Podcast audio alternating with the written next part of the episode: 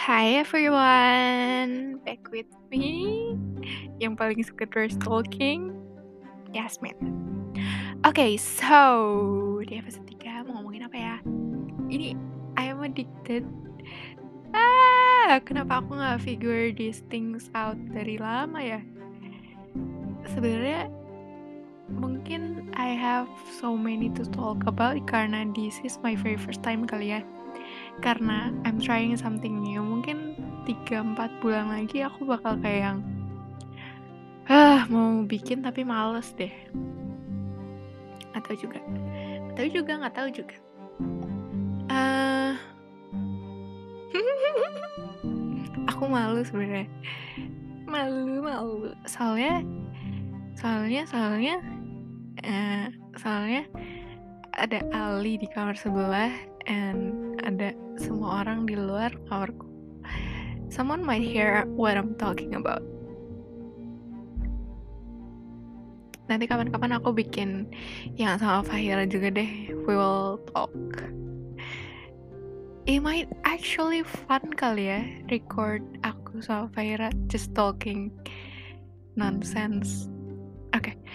uh, aku mau ini ya menetapkan tujuan aku untuk bikin ini so that in the future aku bakal bisa take a look back of me. Oke okay, oke okay, oke okay, oke. Aku ada kayak tiba-tiba pikiran lewat gimana kalau this will be uh, the evidence bukan this will be left trace kayak apa ya? Eh, meninggalkan jejak for my four years kuliah. Gimana? Idenya bagus gak? Bagus lah, aku yang mikir dong. Oke. Okay. Tapi kali ini aku masih belum mau, eh, belum mau bahas kuliah. Maybe another time. How I end up in my campus and how I end up in um, my jurusan. Tapi kali ini aku mau bahas about ini I feel chumpy ya. I feel embarrassed. Aku mau bahas soal ini sorry ya aku aduh ngomongnya muter-muter mulu. Hi future me. Aku mau bahas about how I end up being a K-pop stan. So it all started in about Maret 2020 I don't exactly remember. To oh oh oh oh oh oh jadi awalnya adalah aku tiba-tiba WhatsApp Ice so kayak around that month itu aku habis nonton Scarlet Heart Rayo sebenarnya itu uh, drama dari 2016 kan. I keep rewatching that drama ever since Nah, terus aku tuh nggak pernah kepo itu siapa itu siapa itu siapa gitu. I only knew Lee Ji si Ayu, the main lead female-nya. Kayak yang pemain-pemain laki-lakinya juga aku nggak tahu itu siapa. Aku cuma tahu, oh ini Wang Eun, ini pangeran ke sini, pangeran sini. Kalau misalnya they showed up in another K-drama gitu. Nah, habis itu kayak nggak tahu tuh kesambet apa, I went to Google, I search up case dari Scarlet Heart Rio and found out that Baekhyun itu member EXO dan one of my friend, one of my best friend, my one of my loveliest friend, Karisa Ardisara, dia itu EXO-Ls dari tahun kapan aku nggak tahu dari zaman Koko Bob kalau nggak salah.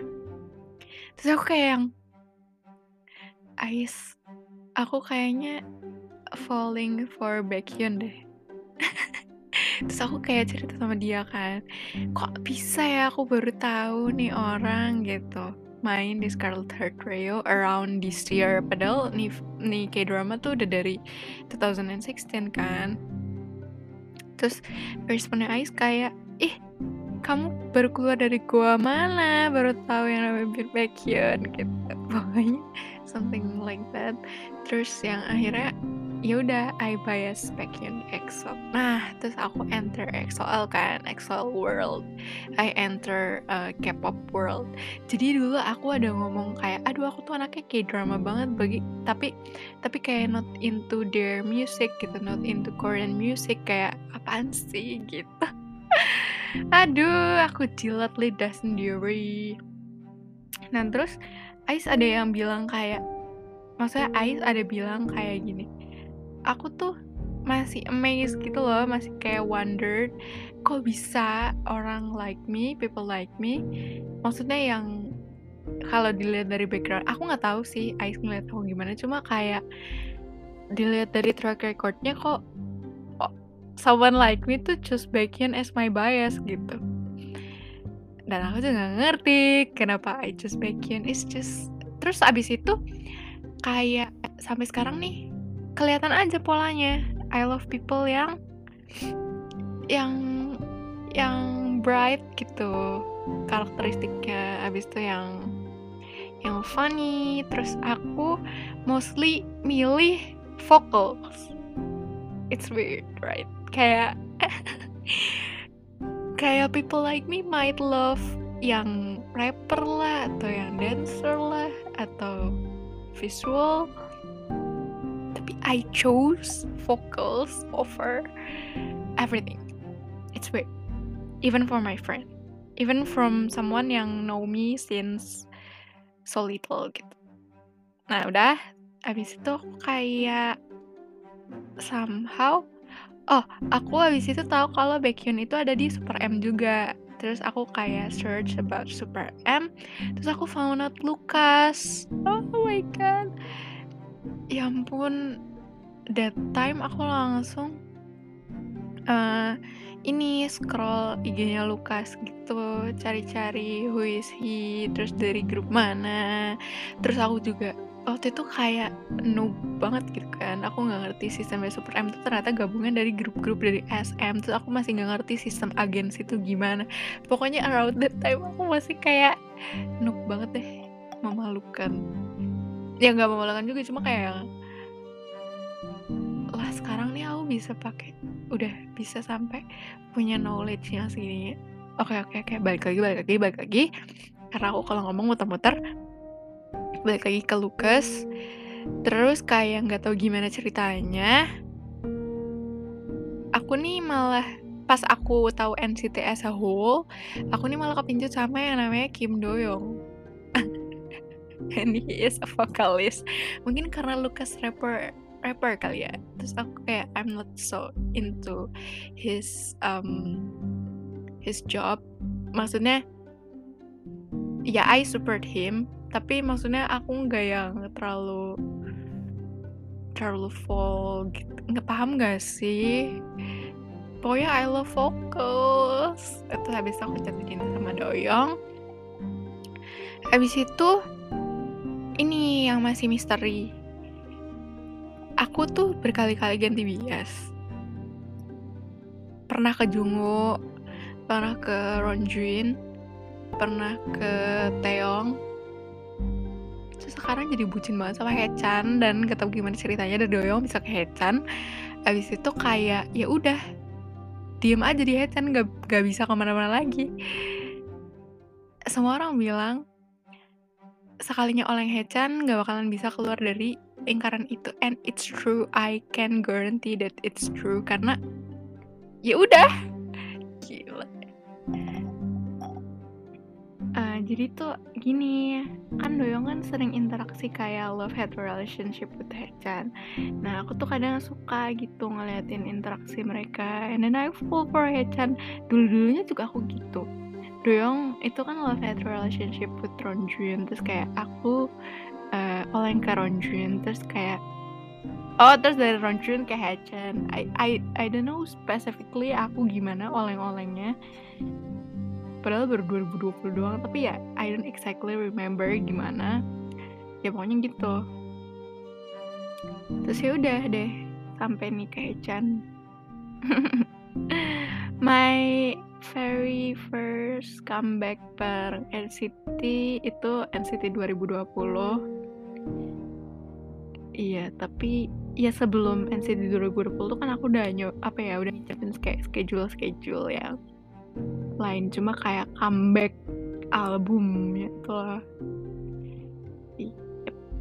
Kalau yang Baekhyun aku itu kan karena I apa ya, I start standing him on March. Di March itu dia ada project uh, featuring sama Bobalgan I don't remember judulnya apa judul lagunya pokoknya itu habis itu around his birthday month bulan Mei Mei or June ya dia ngeluarin Candy.